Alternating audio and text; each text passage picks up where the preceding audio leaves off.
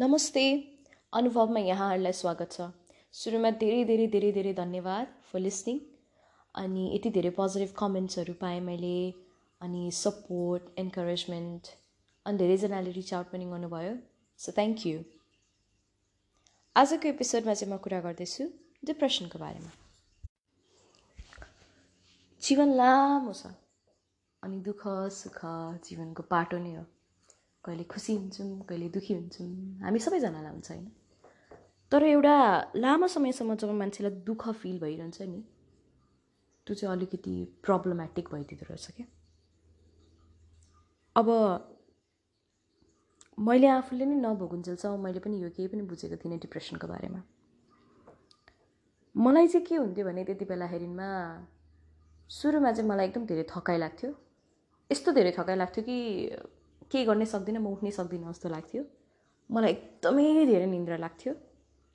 अब सबैलाई निन्द्रा लाग्ने जरुरी छैन होइन? कसैलाई लाग्दैन। मलाई चाहिँ एकदमै जति बेला नि सुतुम मात्रै जस्तो लाग्थ्यो जति बेला नि निन्द्रा मात्रै लाग्थ्यो।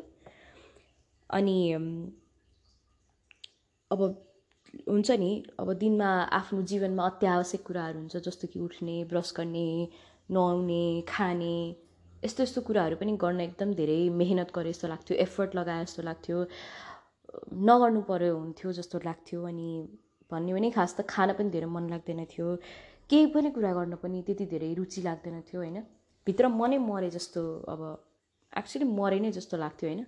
अनि जति बेला पनि जति बेला भन्दा पनि धेरै जस्तो चाहिँ आफ्नो बारेमा चाहिँ एकदम धेरै नराम्रोहरू लागिरहने के? जस्तो कि म वर्थलेस छु म काम नकाजको छु मेरो जिन्दगी अब गयो म सक्दिनँ यस्तै नै रहेछ। म सक्दिनँ म सक्दिनँ मबाट हुँदैन यो भन्ने यस्तो लागिरहन्थ्यो जति बेला पनि। अनि त्यो सबसँगै चाहिँ एकदम झर्को लाग्ने दिक्क लाग्ने एकदम विरक्त लागेर आउने जिन्दगीदेखि संसारदेखि आफ्नै सबै आफैसँग विरक्त लागेर आउँथ्यो मलाई। अनि त्यो सबै हुँदाहुँदै चाहिँ के पनि हुने भन्दाखेरिमा एकदम धेरै म रुन्थेँ पनि। पुरै चाहिँदैन थियो। यसै अब सानो कुरामा यसै उहाँ उहाँ रोइदिने होइन। त्यस्तो हुन्थ्यो। तर अब त्यो मैले चाहेर जानेर कल्पेर बसेर के पनि भएको होइन। त्यो मलाई अचानक भएको मलाई आफैलाई खासमा भन्यो भने मलाई थाहा थिएन मलाई किन त्यस्तो भइरहेछ? म आफै बुझ्दिनँ थिएँ। अनि कहिले कहिले त्यो कुराले एकदम एकदम भित्रभित्रै भक्कानो फुटेर आउँथ्यो कि? एकदम गाह्रो हुन्थ्यो। अनि पछि त्यो सबै हुँदाहुँदै चाहिँ मलाई यति धेरै खाली जस्तो फिल हुन थाल्यो कि भित्रभित्रै। म एकदम खाली छु जस्तो लाग्न थाल्थ्यो अनि मलाई यस्तो लाग्थ्यो कसैले मलाई काटेर हेऱ्यो भने म भित्र खाली छु जस्तो लाग्थ्यो कि त्यति खाली फिल हुन्थ्यो होइन। अनि पछि त्यो बढ्दा बढ्दै यस्तो ठाउँमा पुग्यो कि एकदम अँध्यारो एकदम डार्क एकदम डरलाग्दो ठाउँ हुन थाल्यो अनि मलाई कस्तो फिल हुन्थ्यो भने म एउटा कुवाभित्र छु जुन चाहिँ एकदम अँध्यारो गहिरो छ अनि त्यसमा चाहिँ म झन् हरेक दिन झन् झन् भाँसिँदै गइरहेको छु झन् झन् भाँसिँदै गइरहेको छु जस्तो लाग्थ्यो। अनि त्यति बेला चाहिँ मलाई सेल्फ हार्म सुसाइडल यस्तो थट्सहरू पनि आएको थियो। अनि त्यो चाहिँ एकदम डरलाग्दो हुँदो रहेछ क्या त्यो त्यहाँसम्म पुगिसकेपछि चाहिँ माई गड भने जस्तो हुने कि? अनि यस्तो जिन्दगी यो बाँच्ने यति गाह्रो लाग्ने कि? मेरो लागि त कसै अरूले सास फेर्दै हुन्थ्यो जस्तो लाग्थ्यो क्या त्यो चाहिँ मलाई त्यो त्यस्तो सबै हुन्थ्यो होइन। तर त्यो मैले भने त्यो झर्को लाग्ने त्योहरू सबै कुरा हुन्थ्यो। तर यो सँगसँगै यो कुरा नि बुझ्नु जरुरी छ कि यो सँगसँगै मेरो आफ्नो जिन्दगी चाहिँ भने गइ नै रहेको थियो पढाइ काम भइरहेको थियो अनि जति बेला नि म एकदम उठ्न नसक्ने सुत्ने भएर त्यस्तो पनि होइन। हाँस्दै बोल्थेँ होइन। हुनको लागि हो। मलाई हाँस्दा पनि कस्तो हुन्थ्यो भन्दा मेरो यो अनुहारको मसल्सहरूलाई चाहिँ मैले जबरजस्ती तानेर आफ्नो मुखलाई हँसाइरहेको छु जस्तो लाग्थ्यो। किन भन्दा अब भित्र केही छैन। अनि बाहिर मात्रै जबरजस्ती गरे जस्तो हुने। मनै लाग्दैन थियो क्या त्यो दुःख सुख केही नै फिलै नभएपछि त्यस्तो हुँदो रहेछ। मैले चाहिँ आफूले रियलाइज पनि गरेको होइन कि मलाई यो सब केही भइरहेछ भनेर। मलाई थाहा त थियो त्यो केही चाहिँ भइरहेछ भनेर तर एक्ज्याक्टली के हो चाहिँ थाहा थिएन। अनि अब अब नर्मल होला जस्तो लाग्थ्यो यस्तो दुःखी हुनु यस्तो हुनु होइन? किन भन्दा अब अरू पनि समस्याहरू मलाई अभियसली थियो जुन कारणले गर्दा मलाई लाग्थ्यो कि यो यस्तै हो जस्तो लाग्थ्यो। तर मेरो परिवारले चाहिँ होइन यहाँ चाहिँ केही गडबडी छ भन्ने थाहा पाएर अनि हामी डक्टरकोमा गयौँ अनि डक्टरकोमा गएपछि चाहिँ एउटा जस्तो चेकलिस्ट केही दिएको थियो अनि त्यो गरेपछि थाहा भयो कि म चाहिँ डिप्रेस्ड रहेछु भनेर अनि उसले फिगर आउट गरेर अनि मलाई चाहिँ साइकाट्रिस्टकोमा पठाएको थियो। अनि मैले दबाईहरू खान थालेँ त्यहाँदेखि साइकोलोजिस्टकोमा जान थालेँ काउन्सिलिङ अल अफ द्याट होइन।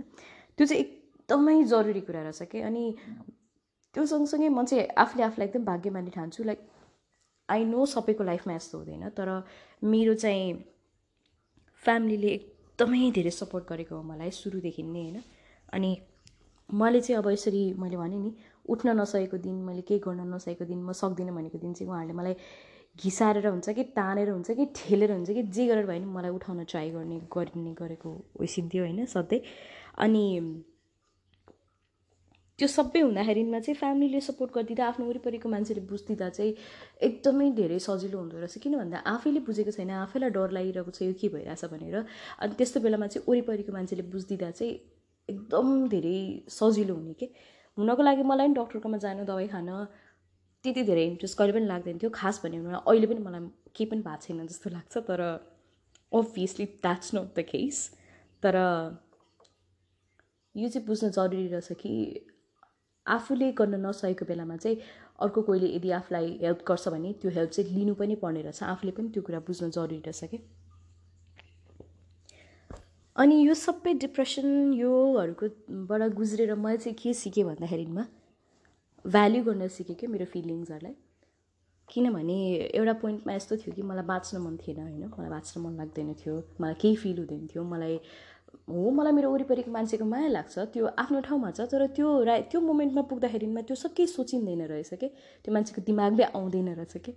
सो त्यो सब भएर चाहिँ अहिले मलाई अब हुन्छ नि खुसी हुँदाखेरि मेरो दिन राम्ररी सुरु हुँदा मलाई एकदम खुसी लाग्छ। अनि यो कुरालाई लिभ इन द मोमेन्ट टाइपको हुन्छ नि अब खुसीलाई खुसी भौँ दुःखीलाई दुःखी भौँ रुनेलाई रोउँ रिस उठेको छ भने रिसाउँ त्यो भ्याल्यु हुनु क्या त्यस्तो कुराहरूको पनि? एउटा कुरा चाहिँ के भन्दाखेरिमा नि मान्छेले के बुझ्न जरुरी रहेछ भने अब अब कहिले कहिले हुन्छ नि अब हामीलाई घरकै खाना खाएको हुन्छ केही गरेको हुँदैन यताउति होइन? तर पनि कहिले हामीलाई अब डाइरिया चल्छ क्या? अब मान्छेको पेट नै हो होइन? मान्छेको जिउ हो अब शरीर हो कहिले माथि तल हुन्छ के हुन्छ त्यस जसरी त्यसरी डाइरिया भयो नि। मैले यिनीहरूलाई दुइटालाई एउटै ठाउँमा राखेको होइन तर जस्ट एउटा इक्जाम्पल दिएको कि किन भन्दा दे देखिँदा र नदेखिँदामा चाहिँ यो कुराहरू फरक पर्दो रहेछ कि? किन भन्दा यो डिप्रेसन हुँदा मान्छेलाई भित्र हुन्छ अनि देखिँदैन। अन्त नदेखेपछि कस्तो हुन्छ भन्दा वरिपरिको मान्छेलाई होइन केही छैन अल्छी गऱ्यो सुत्यो यसले अल्छी गरिरहेको छ भने जस्तो लाग्छ। किन भन्दा मान्छे उठ्न सकिरहेको हुँदैन होइन? या भनौँ मान्छेले आएर पोजिटिभ सोच खुसी हुन ट्राई गर यो गर त्यो गर भनिरहेको हुन्छ। अब त्यो मान्छेले मन लागेर चाहेर त दुःखी फिल गरेर डिप्रेस फिल गरेर त अभियसली बसेको हुँदैन नि त। त्यही भएर त्यो भने जस्तो सजिलो हुँदैन रहेछ क्या। त्यही भएर मैले एउटा इक्जाम्पल डाइरियाको दिएको। त्यस्तै हो क्या। मान्छेको शरीर हो। माथि तल भइरहन्छ। त्यही भएर मान्छेलाई त्यस्तो हुँदो रहेछ क्या। अनि यो सबमा चाहिँ अब कसरी हेल्प गर्न सकिन्छ त अरूलाई? As a as someone who went through depression myself म चाहिँ के एक्सपेक्ट गर्छु भन्दाखेरिमा? वरिपरिको मान्छेले केही गर्न सक्दैन भने यदि तिमीले मलाई दुःखमा देखिरहेछौ या मेरो सिम्टम्सहरू यदि तिमीलाई लाग्छ म त्यस्तो केही छु भने प्लिज डिसमिस चाहिँ नगरिदिनु क्या? दुःखी छ भनेर हाँस भन्ने होइन के? द्याट्स फाइन दुःख छ त दुःख छ। होइन? त्यो बुझ्न जरुरी रहेछ।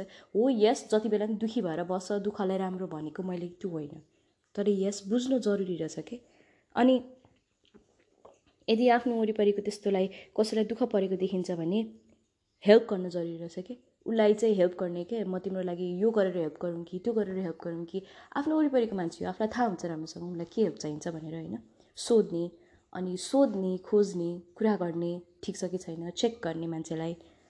अनि मेन कुरा just be there for them मान्छे वरिपरि कसैको लागि केही गर्न सकिँदैन भन्ने एटलिस्ट कुरा सुनिदिउँ हुन्छ नि? रिमाइन्ड गरौँ कि म छु है I am there for you यो चाहिँ एकदम इम्पोर्टेन्ट कुरा रहेछ कि? त्यो सपोर्ट भयो भने मान्छेलाई चाहिँ धेरै हेल्प हुँदो रहेछ। हुनको लागि त्यति बेला चाहिँ यो सबै कुराहरूले त्यति धेरै म्याटर गरे जस्तो लाग्दैन। मलाई त लाग्दैन थियो। मलाई त्यो बेलामा त मेरो वरिपरिको सपोर्ट यो थियो। मलाई त्यो केही लाग्दैन थियो। केही मतलब हुँदैन थियो होइन? किन भन्दा त्यो पिरले त्यति खाएको थियो। त्यति खाँदो रहेछ कि? अनि अहिले रियलाइज गर्दा चाहिँ आम थ्याङ्कफुल मलाई त त्यो सपोर्ट रहेछ। अनि मैले आफूले पनि त्यो सपोर्टको कसैले मलाई हात अघि बढाउँदाखेरि मैले त्यो हात समात्न सकेछु। त्यति कुरामा पनि मलाई ढुक्क लाग्छ कि हुन्छ नि? अहिले सोच्दा चाहिँ त्यो हुँदो रहेछ। एनिवेज कोरोना भाइरसले गर्दाखेरिमा एकदम समय यो अहिलेको एकदम झन् झन् डेन्जरस या भनौँ कस्तो अर्कै भएको छ होइन। अनि यस्तो बेलामा चाहिँ समन आउट कोही चाहिँ यही सबैबाट गुज्रिरहनु भएको होला। या एक्लो छु जस्तो लाग्ला होइन सो प्लिज रिच आउट अनि let's take care of our mental health कुरा गरौँ होइन? डिप्रेसन हुनु या यो हुनु भनेको चाहिँ नराम्रो कुरा होइन? यो स्टिगमेटाइज गर्ने कुरा हुँदै होइन। यो अरू रोगहरू जस्तै हो कि? खालि मान्छेलाई सपोर्ट चाहिन्छ बुझिदिनुपर्छ कि? देखिँदैन भन्ने बित्तिकैमा यो हुँदैन भन्न चाहिँ मिल्दैन रहेछ। सो एनिवेज आजको लागि यति नै। सो प्लिज यति सुनेर चाहिँ आफ्नो वरिपरि भएको मान्छेलाई कसैलाई चेक गरिदिनु होला। आफ्नो साथीभाइलाई यसो हाई हेलो के छ? भनेर मेसेज पठाउनु होला। यु नेभर नो त्यति गर्दाखेरि कसैको दिन नै राम्रो हुनसक्छ आजका लागि यति नै। सुनिदिनु भएकोमा धेरै धेरै धन्यवाद। अब हरेकचोटि कसैलाई हात दिएर सहयोग गर्न त सकिँदैन तर छेउमा उभिएर कुरा भने सुन्न सकिन्छ। So let's talk about mental health and help each other bye